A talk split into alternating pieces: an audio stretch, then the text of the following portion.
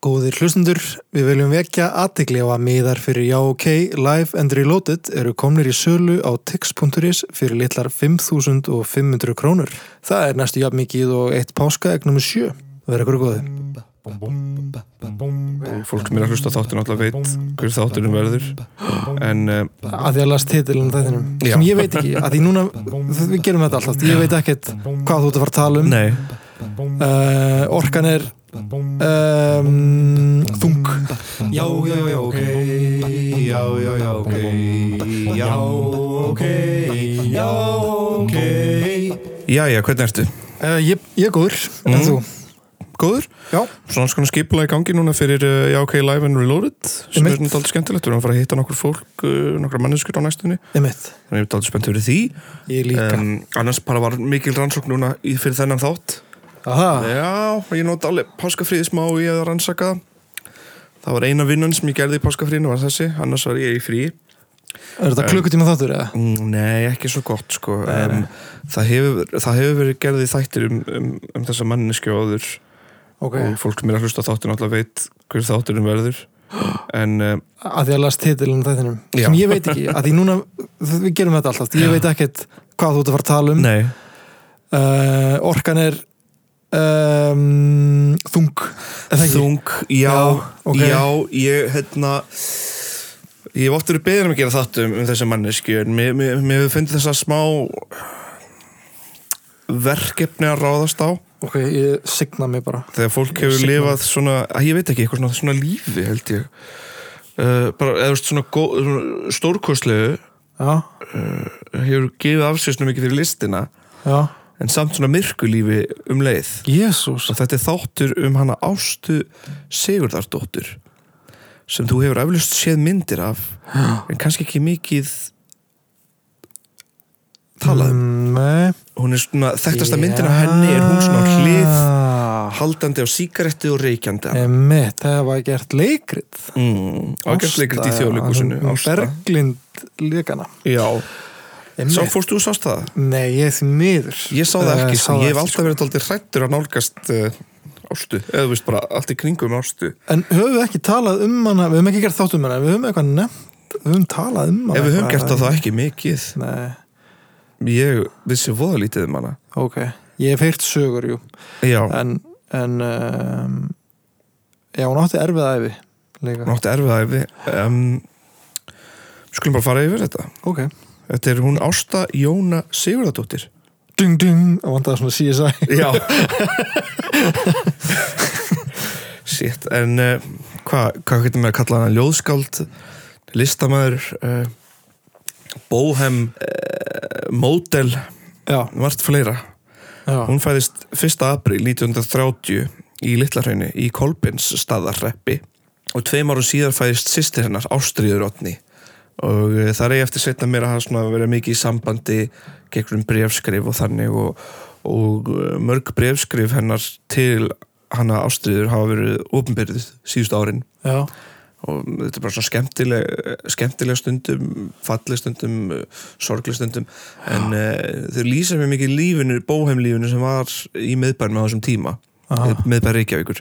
Uh, Ásta Sigurðardóttir, hún býr þarna í Litturhraunni í Kolbyrstaðarreppið þangallurinn 14 ára. Og þá fer hún til Reykjavíkur í nám. Já, og þessum tíma, tíma er það náttúrulega mikið fyrir unga stúlka að flytja úr sveit til Reykjavíkur. Þetta er alveg stór breyting.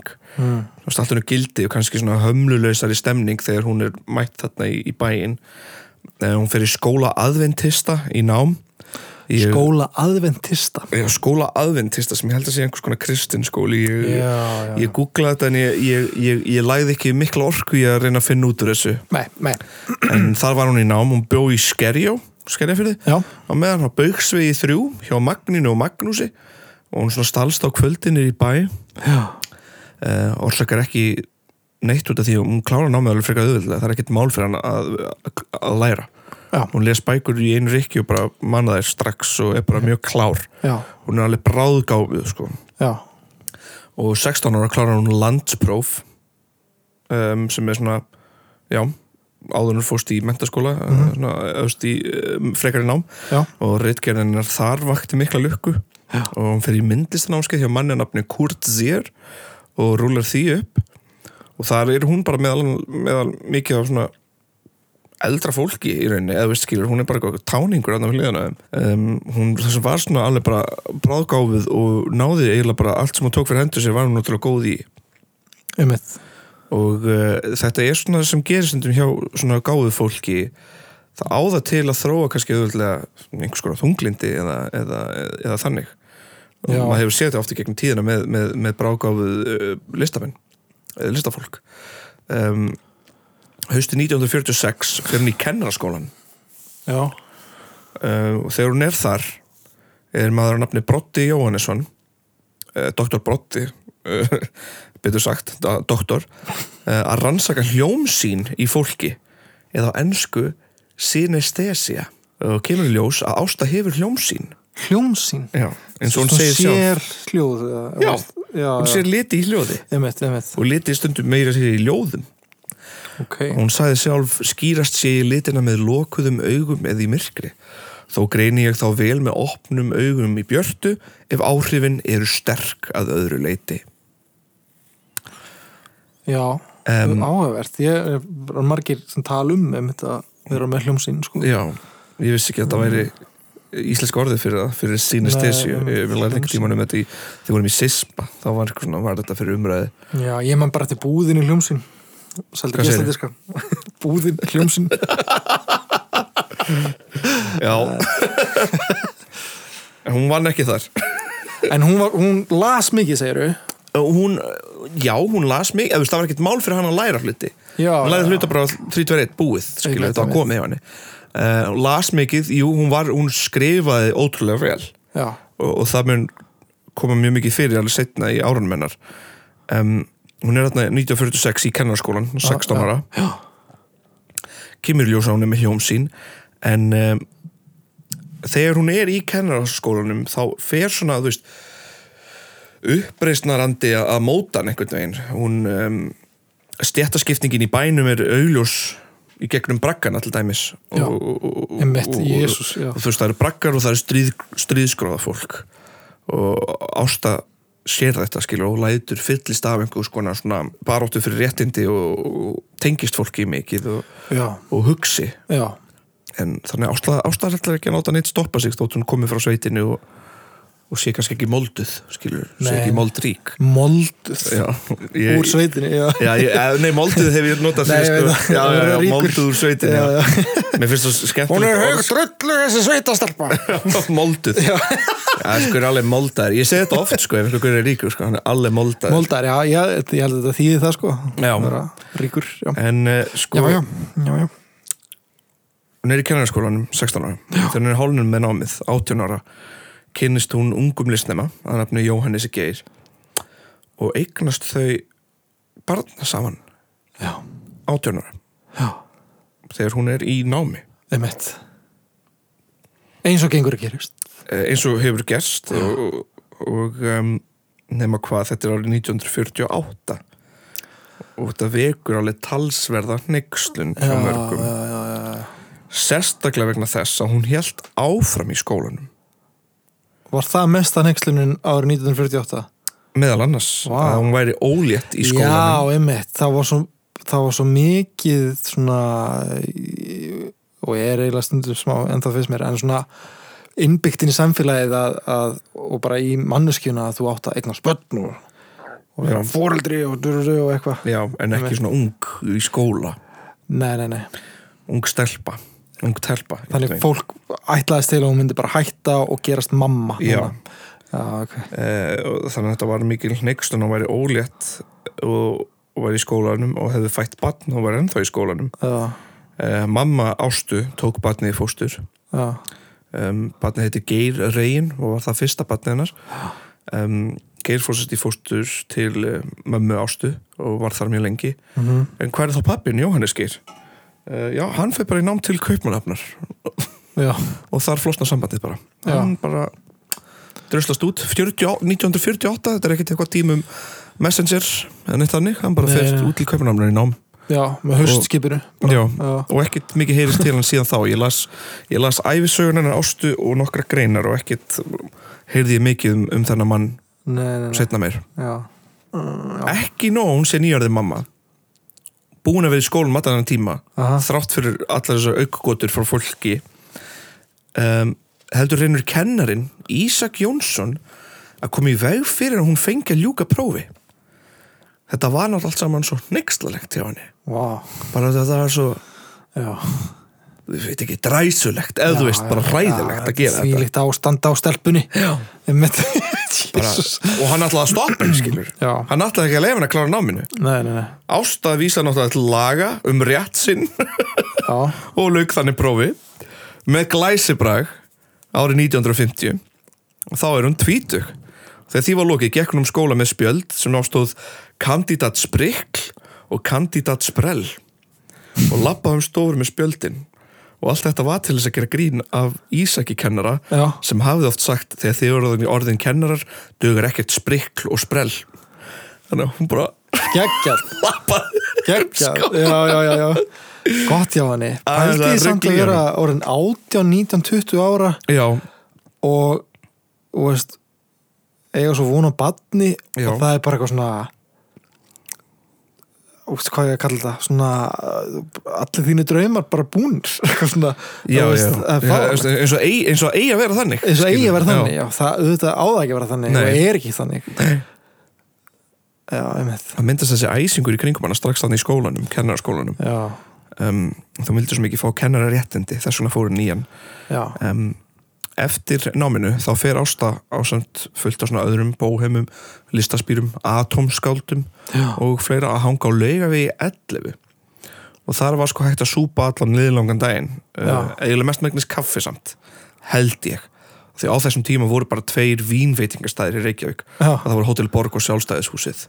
Já. Það var einu stað sem gæst fyrir að fá þér áfengi. Þannig að þú veist, ekki bjór, heldur stertvín, eða ekki? Ég held það. Já, ég held það líka já, auðvitað, Já. því vín bjórnum var bara leiður hvað, 89 já, um, gaman að vita svona hluti bara að við gerum þætti uh, sko þannig að allir bóheimar og listamenn eru yfirleitt að hanga á þessum svæðum sko. þeir eru að hanga á við 11 mhm, kaffistofin í miðgarði við Þórskötu 1 Mhm. sem var kölluð kommahúsið mhm. eða gamla góða hressingaskálin aha, já, sko þegar ég var unglingur þá var líka hressingaskálin staðinu fyrir bóheimana. Aha. Já. Það voru hipstarinnir það sko þegar maður í MH Ressingaskálinn í dag er bara kjútsúpa og já, já og kökur. Kökur. Það er ekki lengur síkosvæðið eða útisvæðið eins og það var sko að þetta áhættur að breytast þá svo finna þessu til heimildar en já ok, hvernig ressingaskálinn var. Já, já, við skulum tala um hvernig hressingaskálin er núna Já, já. fyrir framtíðar heimildir. Já, uh, hressingaskálin núna er við hliðin á uh, hvað heitir rockbarinn hérna lemmi Lemmy sem er rockbar sem tók yfir eiginlega garðin þar sem, hressingas, sem hressingaskálin átti. Uh, þannig að uh, hressingaskálin og svo við hliðin á rockbarinn Lemmy með mathöll eða svona mjög litla mathöll, tveir veitingastæðir þarna við garðinum. og eru þar með svona rockhús og öl og selja seriós með þess að er, til- þú getur kift alls konar morgunkort á lemmi það er söðblind serious? Já. Mm, við kíktu þannig við barinn, vinstra við með barinn er seriós Já, það er svo galið okkur, what the hell. En uh, þetta, eru, þetta eru heimildina sem uh, sorry, ég, fólki ég er náttúrulega, ég er að bulla, ég er að djóka ég er að djóka. Ef ef, ef hvað stemnings ef morgunkort stemningsfólk já, já, eða Já, veist, já. ef einhver átti hugmyndina þessu og er að hlusta. Þetta tíðkast þetta tíðkast alveg mjög mikið sko, út í London með þess að svona seriós morgunkortna uh, veitingastæðir.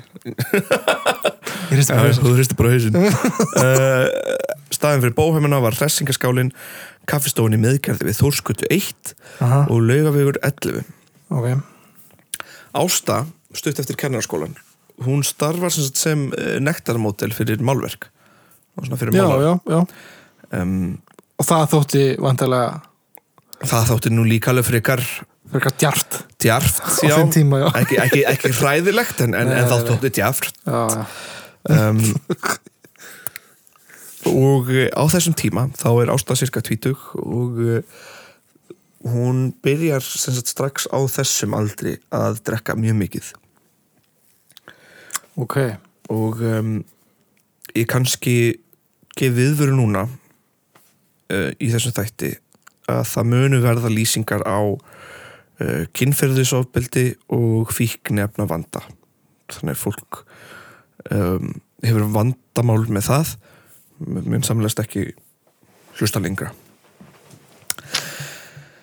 En við skulum halda áfram. Á þessum tíma er hún ástað tvítug. Hún uh, situr fyrir uh, málverk. Uh, byrjar að drekka þú veist, það, það fylgir þessu bóhem lífi. Já, bóhem fyrir fólk sem veit ekki það er bara listaspýrulífið skilur Svona, það fylgir þessu listaspýrulífið að vera súpa Já, allan daginn. Og það hefur gert það í mörg ár og marga ára tögi líka í París, þú veist, allir helstu listamennu voru þar að súpa á, á hérna, brennivíni og, absinth og allt það. Já, já, já, og, já, em, já. og, og svo, þó við að vera leitað líka, Þískaland og, og Breitland líka. já. og Ásta byrjar að skrifa sem sagt smásögur. Já, og hún fari að byrta þér en eh, sagan hennar, sunnudags kvölds til mánudags morguns byrtist síðan í líf og list april 1951 og verður svo saga frekar umtöluð og víðlesin. En uh, þetta er frásögn ungra konu sem heitir Ásta já, í þessari smásögu. Já, og þetta er frásögn hennar af nöðgun ok, uh, og hún er mjög berorð í þessu.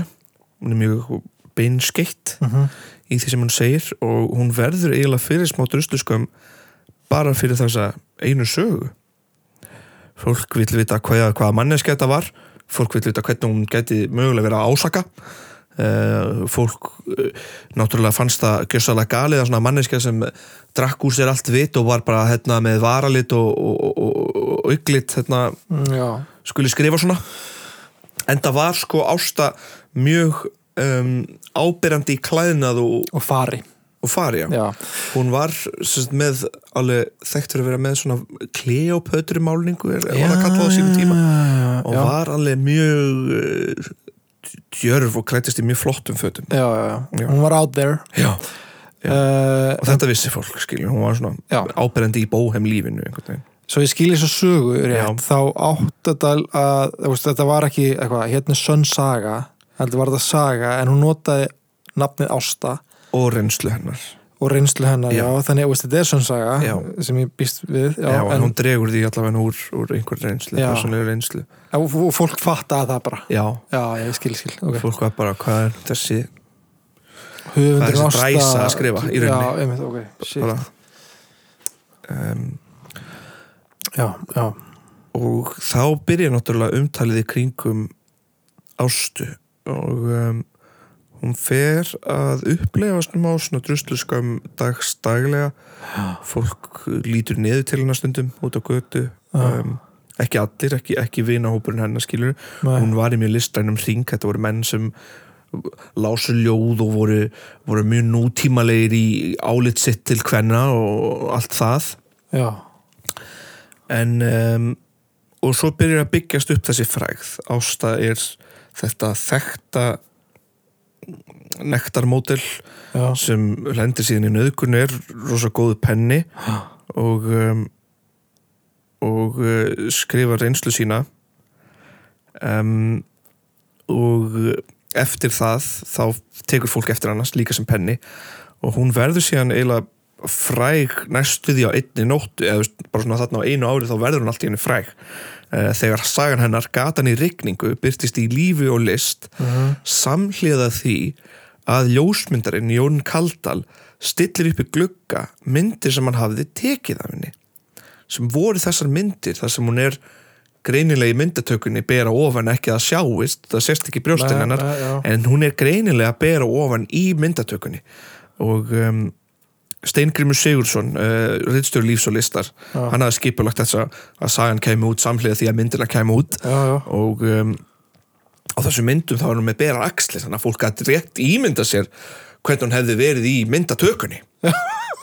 Skilur og það fyrir alveg í suma og það myndast eiginlega örtruð fyrir utan gluggan hjá Jón Kaldal það er bara þess að myndir voru bara þú veist, hot eða skilur, þetta, þetta voru rosalega myndir Já, já, já, já, já, bara ótrúlega myndir af henni og ótrúlega falleg kona og ok. getur ímyndað sér að það sé mynda sem er bara, hún er bara ber á ofan Já, já, það má sjá ekki Hvað næst? Öklar? Einmitt. öklar? það, er, það var smá þannig fólk, fólk, fólk, var ekki reitt, fólk var bara impressed. Líka. Já, ok, ok. bæði og, eh, en það var kastaður steinn í glugga Ok. eh, Jón Kaldals, uh, ljósundastofu Já, um, þannig að fólk var uh, já, fólk var fannst það áhugavert og líka ekki lagi.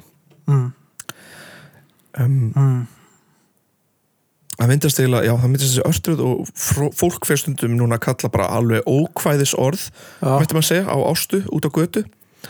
Uh, en sagan hennar í líf og list var þó líka ótrúlega vinsæl og það þurfti að endurprenta blaðið því það seldist svo rætt Ok. og var nefnilega að tala um vera ógeðslega góður penni og, já, já og listmálari og enda, allt enda mjög klár henda mjög klár kona þrátt fyrir uh, drikjarvandamálið mm, Ásta er umtöluð og hún lifir þessu reykvíkíska lífi til fulls alveg. Og meðal þessara bóhema er maður nýkomin heim frá námi rúsnensku í Svíþjóð. Hversu mikill bóhem. já, já, maður sem var í rúsnensku námi í Svíþjóð. og það er Geir Kristjánsson, heitir hann. Já. Og uh, þau byrja saman. Og í æfisögunni hennar, minn hlátur er sorg, er sagt að þessi ást haldi hann í heljagripur í mörg ár.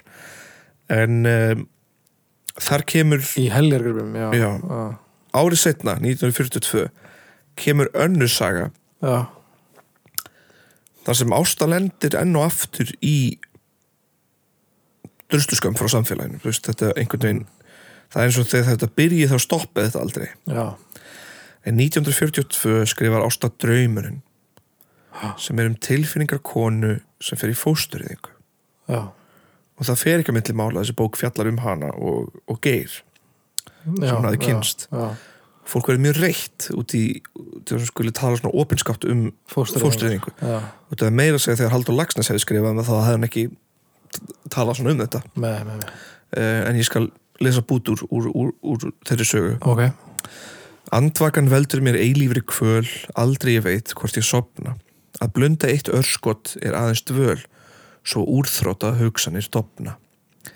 þegar að kveldi ruskar reymt og rökkrið er þjættar en ótin þá er í hugskotum heilans geimt sumt helmingi dekkra en nótin um, það sést líka í brefskurum hennar til um, sýstu sinnar að Ásta upplifir alveg þunglindi veist, þegar hún er að segja frá fréttum úr, úr lífi sínu þá er stundum gengur vel en henni er eiginlega temmilega sama. Já, já, alveg af og til.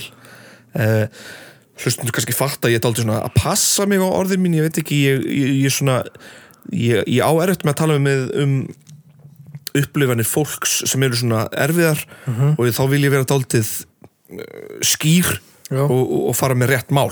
Já, en ég eh, sagt hlustaði á eða ég las æfisögun hennar og hlustaði mjög gott hlaður frá Rúf sem ég ætla að mæla með í lokin þar sem brefin hennar til sýstur hennar eru, eru upplýsin en uh, fyrstu árin eftir kennaraprófið þá býr Ásta í Camp Knox 10 sem var brakkverfi í Reykjavík. Já, uh, ungur rafvirki, hann nafni Karl Eiríksson er góður vinnur hennar og reynir að halda henni frá óreglu þessum tíma. En það var Ásta farin að drekka alveg mjög mikið. Um, hann tala með sig við Artfríði Jónatansdóttur sem var skáldkona sem bjó líka í brakkakörfunni hjá mömmu sinni. Og það er gott að segja að þeim fór alveg vel saman. Mhm. þeim voru alveg félar mhm, en Artfríður sagði setna mér í viðtali að Ásta hefði og svo hérna að lappa drukkið eins og villidýr. Já, bara hún var sagt þar alveg strax komin í, í, í þann drikkarhátt og um, Karl Eiríksson félagi hennar fyrir síðan með hann á ásáttíð rafvirkja og Ásta er mjög glöð að fá að koma með. Og var svona eiginlega búin að sannfæra hann um að taka hana með. Um, og hún er bara kallað ódrukkin segir í bókinni og í öðrum greinum. En orkan er samt mjög skrítin sko, þegar þið fara síðan saman á danskólfið fara manneskjur uh, að bara kalla hana öllum íllum nöfnum í rauninni og reyna að fá bara komin í burt úr ballinu. Já, bara Kerry Eh, bara fyrir að vera druslað sko. ég er að segja Stephen King sagan en það já, þetta er ekki Kerry, Kerry, nei, Já. er það ekki? E, jú, jú, jú. Um, já, og ástuð náttúrulega líður ótrúlega illa.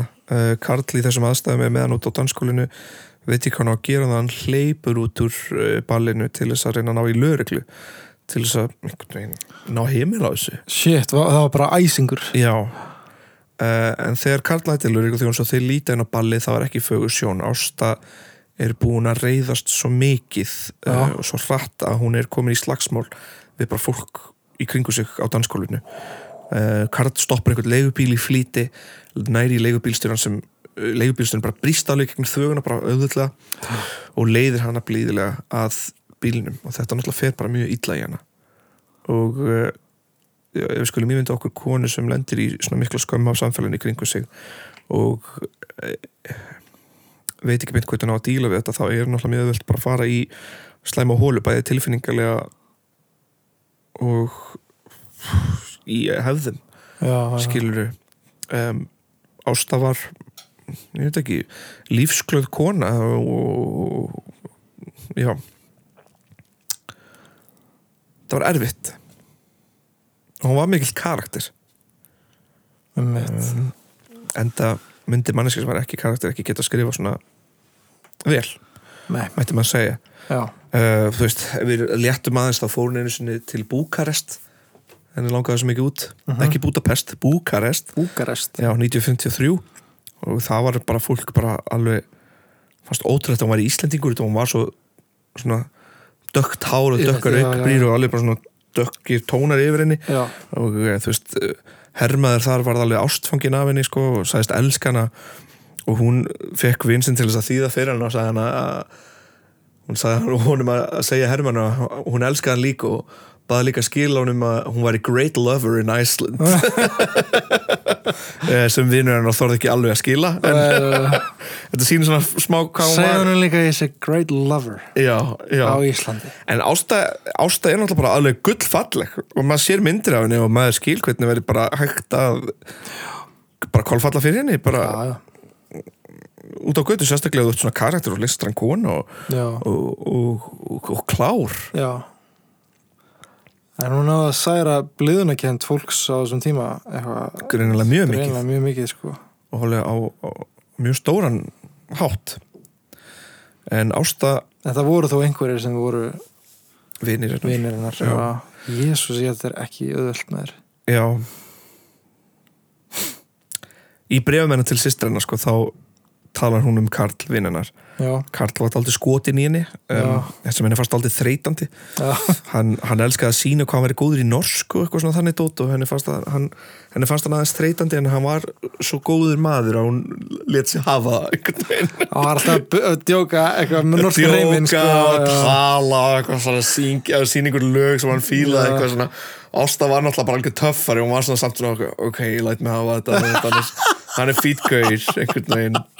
Uh, en uh, Ásta leitaði síðan uh, setna á æfisinni einu sinni til hjálpar. Mm. en þá fór hún til Sálfrængs og í kjölfari í afvötnun á heimili bláa bandsins við Flókagötu. Já, en hún útskrifaði sér sjálf þaðan. 1957 27 ára gömul kynist hún Þorsteini skáldi frá Hamri og hefði þau sambúð Eh, Þorsteini var þá bara 19 ára þannig að hún er 27 ára í sambandi við 19 ára uh, strák. Já, og þau búi í uh, Rísíbúð á Nesvegi og eignast þrjú börn. Uh, 1961 flytjaði í Kópavóin og kemur út smásagnasafn Ástu sem ber saman nafn og hennar frægasta saga Aha. sunnudags kvölds til mánudags morguns og það fær alveg sko glimrandi gaggrinni úr öllum áttum bara það er ekki einslæm gaggrinni í húsinu hvað var það, þetta smásagnasafn ok. Uh, köllum með, meðal annars pennafærasta konan á landinu. Já, og í byrting er sagt að sagan hennar í hvaða vagni, heitir sagan? Í hvaða vagni, sé eins og besta sem nútíma höfundur hafi skrifað á íslensku. Í hvaða vagni? Já, mm, okay. það er hægt að finna er á tímarit.is og ég get líka próstaði á grúpunni. Já, endilega, um, endilega. 1964 eru börnin fimm talsins og eh, búskapur hennar og Þorsteins er svo kallað svona fátæktarbasl. Það er ekki mikla peninga Nei, nei, með fimm börn. Um, og Ásta er að leiðast ennþá áfram í áfengisvíkina þú veist þegar þetta er ekki neitt sem hefur stoppað. Nei. Drikja Ástu drikja vandamál Ástu er bara meiri og meiri því meiri sem tíman á líður. Um, og þannig er þeir farin að vera frekar sterk. Og mamma Ástu uh, Þórana og elsti sonur hennar Geir sem við töluðum um hann fyrir smá tíma síðan aha, þau búi ekki langt frá. Uh, þannig að sambandi þeirra styrkist eitthvað en ekki mikið. Ástu líður ekki vel og hún fer að hverfa meira og meira í alkoholisman og hún er mjög oft veik já, eða slöpp eða já, slæm. Og það sést líka í brefum sem hún skrifa til batana sinna, hún er oft veik. Um, og þessi spýrall í rauninni heldur áfram og það er ekki mikið hægt að tala um þetta nefnum bara þannig sko, það er ekki mikið meira hægt að segja en það. Ásta uh, lifði svo bara þannig lífi. lifið svo bara þannig lífi og var oft full út á götu og, og, og var samt en þá gullfalleg kona. Um, uh, en 65 skilja Ásta og Þorstein þá með 5 börn. Um, og Ásta nær síðan á næsta árum ekki að passa upp á börnin sín vegna áfengisleysnu þannig að hann var með forræði yfir börnunum já, já, börnin eru endalega tekin af henni 68, einmitt þannig að 38 ára. Um, þetta er tekin í fóstur á ökrum á mýrum. Og það er alveg öll upp. Ok, um, hún gifti setna mér mann að nafni Baldur Guðmundsson já, sem kynntist á landakottspítala um, þau reyna að halda heimili en Ásta er mjög djúft komin í fíknina Þau- hvort það sé áfengi og eitthvað fleira Já. og um, Baldur bara með í þessu einhvern veginn um, þetta heldur áfram einhvern veginn og, og, og þetta endar þannig að 21. desember 1971 41 ára gömul þá deyr Ásta af einn hendi þá Um, ég sá það ekki. um, ég myndi halda mikil einmitt, en ég sá það ekki og mér fannst mér, ég, ég fann það ekki og mér fannst ég ekki þurfa að finna með við svona hvernig var talað um þetta. En, en þetta er svona sporið sem Ásta skildi eftir sér greinlega mjög stert Mhm. Er kannski, hún hefur kannski fikk að lifa lengur eða það hefði ekki verið fyrir uh, áfengið. Fyrir áfengið uh, fyrir, fyrir samfélagið, eh, hvernig samfélagið fór með hana já. já, brástinni bara Já. samfélagið. Áfengi er uh, hell of a drug sko. Þetta er svo hverstarslegt hjá manni veist því veist, við, við fengum okkur í glas hérna um páskana og og, og þetta er svo eðlilegt fyrir manni eitthvað svona áfengi en, en veist, það er alveg alki í fjölskyldinu minni og, og maður er alltaf með þetta svona bak við eirað uh, alko, alkohólistinn veginn, þú veist og svo fíkn er ekkert grín sko. Nei. Jésu, svo er alltaf margir hlustundur bara kannast við það sko. Um, Já, uh, ég minna á að fólk getur náttúrulega alltaf fringt á 1717 já, eða fara á 1717.is eða glýmið ykkur andleg vandamál eða fíkni vandamál. Þetta er ekkit uh, bara einskorðað það getur ringt 1717 uh, ef eitthvað er. Mm, Mér fannst erfitt að skrifa hana þátt upp á það að ég veit það ekki. Ég veit ekki hversu mikið anda, það er svo erfitt þegar maður er að gera já, ok, þætti að skrifa þætti eins og þessa. Um, ég held að kannski síðast að ég átti svona erfitt með þátt var kannski, en svo mannstu þú varst ekki hér. Já, einmitt. Uh, ég manni því, góð þáttur.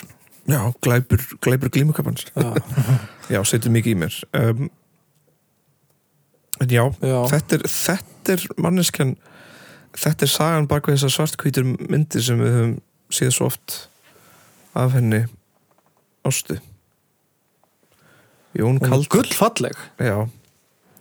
Og í hverju einstu mynd sko maður er alltaf bara maður er alltaf finnst hún bara já, maður er alltaf dólfallin einhvern veginn. Myndar, er- myndar kona myndar, myndar konu en hvað er hægt að segja meir, ég meina það er, maður er dóldi sko loftið er alltaf á sjúrmanni sko þegar Já. maður klára svona þátt. Maður, einmitt. já. Ég veit ekki bara alveg hvað meira skal segja um, Nei. Mér hefur lengi ég, ég, ég vissi þetta með börnin Ég hafði heyrt það einhvern tímann. Já, uh, Mér langaði alltaf að sjá þetta leikrit. Já. uh, Og mér er alltaf langað til að fræðast um þessa konu Og núna fekk ég það. Já. Og hlustundur líka. Og hlustundur líka. Já. og ef þið vilja heyra meira þá geta þið hlustað á hlaðvarpið Helmingi dekkræn nóttin sem eru tveir þættir þar sem farið eru brefin hennar og tala við uh, börnin hennar Um, þannig að fólk getur uh, alveg frætt sem er mikið um það og mér fannst sko mér fannst við reyna að halda okkur við eh, hvernig já ok er yfirleitt sem er bara svona fræð okkur við og dreif um, um, um líf mannesku og, og svo ef fólk vill fara nánar út í það þá getur það kíkt á þetta helmingi dekkra en nóttin. Já, og þetta er í bóði bara á, á Spotify en ekki á vefsíðu hjá, hjá Rúf. Þá skamma ég aftur Rúf sko, því ég fann ekki þáttinn þar já. og hann er ekki í bóði þar Já. en hann er í bóði á Spotify. Æ, það er ykkur Greið manneski að reyna að sjá um hennar vefspilar. Já, já, já. hún er svo ekki að hlusta á okkur. En uh, En ég, já, stundum eru þættinni þingri en Já. það er nú uh, finnst fólk sem vil lesa meira eða lesa bara alla smásöguna hennar ástu þá er líka sko líf og list á tímarit.is þannig að ef þið opnið annan árgang 1951 þá getið þið lesið til dæmis sunnudagskvöld til mánudags morguns um, og séð uh, myndlistina sem fylgir því sem er líka eftir ástu. Já, vá, flott en uh, ég þakka fólki fyrir hlustunna og, og þólimæðina gegnum hvað svona alvarlega þátt. Um, uh, og ég lofa að vera með mjög skemmtilega þátt næst. Já, já. Uh, ég, ég bara uh, þakka fyrir mig og ég minni hlustundur einni á bara á miðasalun á tix.is á já ok live in reloaded á litla sviðin í borgarleikusnu Já, það verður bílustemning það verður bílustemning það verður uh, bara leinigastir og hvað eldgleipir og ég Já, leinigestur og allt sko. Það verður mjög gaman, það verður kannski eldgleipir. Fólk kannski, er alveg að flikkast í að fá að taka þátt í sýningunni sko, sem ég þykir mjög væntum jú, kannski gleipi í eld. Sorry, Ski, hvað, hvað veit? bara til að geta sagt eldgleipir það verða eldgleipir. Það verður öllum Takk fyrir mig takk.